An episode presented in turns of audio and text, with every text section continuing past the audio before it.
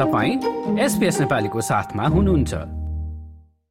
पछिल्लो समय चाहिँ धेरैले आफ्नो दैनिकीको केही समय टिकटक टिकटकलाई तिनी गरेको मात्र नभइकन व्यवसाय र आम्दानीको स्रोतका रूपमा पनि यो सामाजिक सञ्जाल रहेको पाइन्छ र टिकटकमा देखिने सामग्रीहरूका साथै नियमनको विषयलाई लिएर पटक पटक प्रश्नहरू उठ्ने गरेका छन्।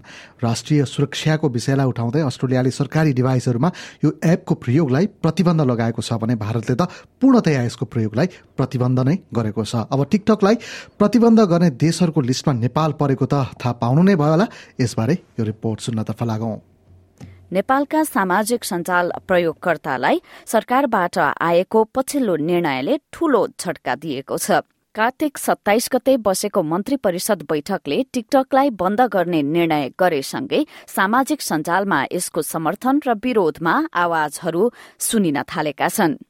मन्त्री परिषद बैठकपछि संचार तथा सूचना प्रविधि मन्त्री एवं सरकारकी प्रवक्ता रेखा शर्माले नेपालमा टिकटक बन्द गर्ने निर्णय भएको जानकारी दिएकी थिइन्। पारिवारिक संरचना र सामाजिक सम्बन्धलाई खलबल्याउने गरी प्रचार प्रसार गरिएको भन्दै उक्त निर्णय आएको उनको भनाइ थियो। लगातार एउटा सामाजिक सञ्जाल टिकटकबाट जुन लगातार रूपमा सामाजिक सद्भाव बिथोलिने गरेर र विभिन्न हाम्रा हाम्रो पारिवारिक संरचना हाम्रो सामाजिक सम्बन्धलाई खलबल्याउने गरी जुन लगातार प्रचार प्रसार भइरहेका छन् यस सन्दर्भमा अहिले अहिले तत्काललाई टिकटक बन्द गर्ने भन्ने अहिले क्याबिनेटको बैठक निर्णय गरेको छ।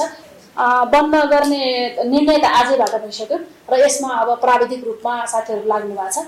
प्राविधिक रूपमा सम्भव भएसम्म यो आजैबाट पनि सम्भव हुन सक्छ र एकाध केही छुट्यो भने लगातार रूपमा प्राविधिक रूपमा गर्नुपर्ने हुन्छ। आइएसपिएनहरू सबैको अब यसमा सहयोग चाहिन्छ र यसका निम्ति सञ्चार मन्त्रालय र हाम्रो दूरसञ्चार प्राधिकरण तयारीमा गइसक्यो। अस्ट्रेलिया लगायत Canada Denmark France Netherlands New Zealand Norway र ताइवानले सरकारी डिभाइसहरूमा टिपटप एपलाई डाउनलोड गर्न प्रतिबन्ध गरेका छन्। उता पूर्णतया एपलाई प्रतिबन्धित गर्नेमा अफगानिस्तान पाकिस्तान र भारतसँगै अब नेपालको नाम पनि थपिएको छ। सरकारको निर्णयको पालना गर्दै मंगलबारबाट अधिकांश इन्टरनेट सेवा प्रदायकहरूले नेपालमा टिकटक नखुल्ने बनाएको समाचारहरू आइरहँदा यो एपको प्रयोग गर्दै चाहे मनोरञ्जनका लागि होस् वा व्यावसायिक प्रयोजनका लागि या त जानकारीमूलक कन्टेन्टहरूलाई प्रयोगकर्ताहरू माझ पुर्याउने गरेका नै किन नहुन् धेरै टिकटकरहरूले भने सरकारको यो निर्णयको विरोध गरेका छन्। त्यसै मध्येका एक हुन् पत्रकार सरल Gurung.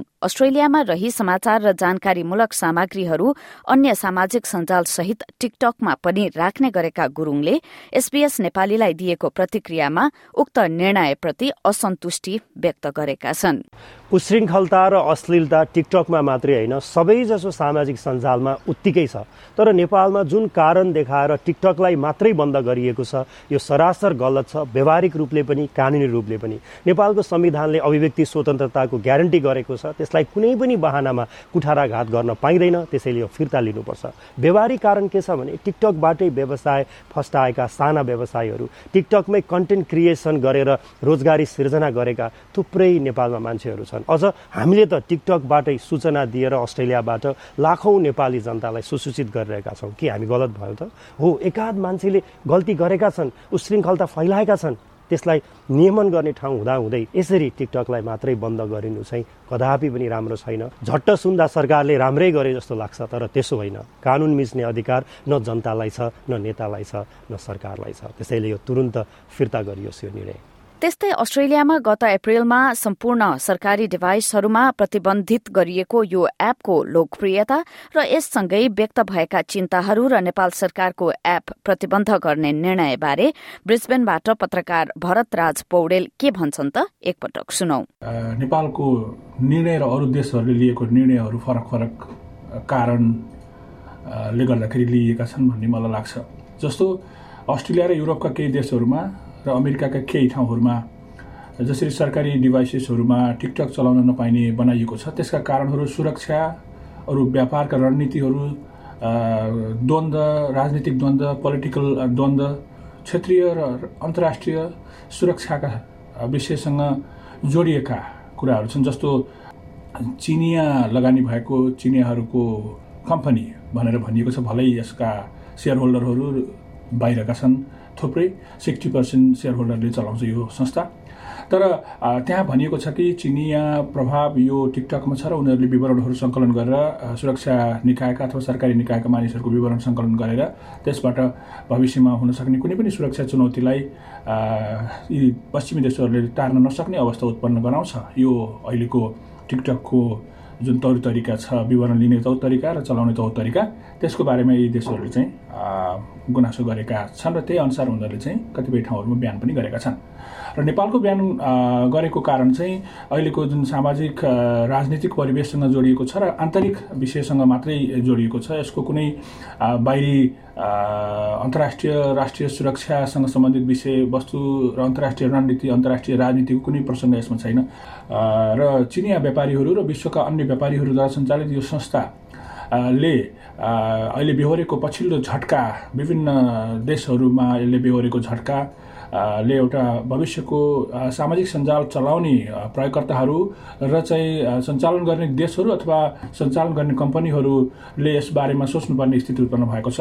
टिकटकमा R twenty D R ten नामको अकाउन्टबाट रानी दिदी भनेर चिनिने मेन्टल हेल्थ तथा लाइफ कोचका रूपमा आफूलाई चिनाएकी टिकटक प्रयोगकर्ताले नेपालले यो एपमा प्रतिबन्ध लगाइएसँगै मानिसहरूले आफूलाई दुखी बनाएको इमेल पठाउन थालेको बताएकी छिन्।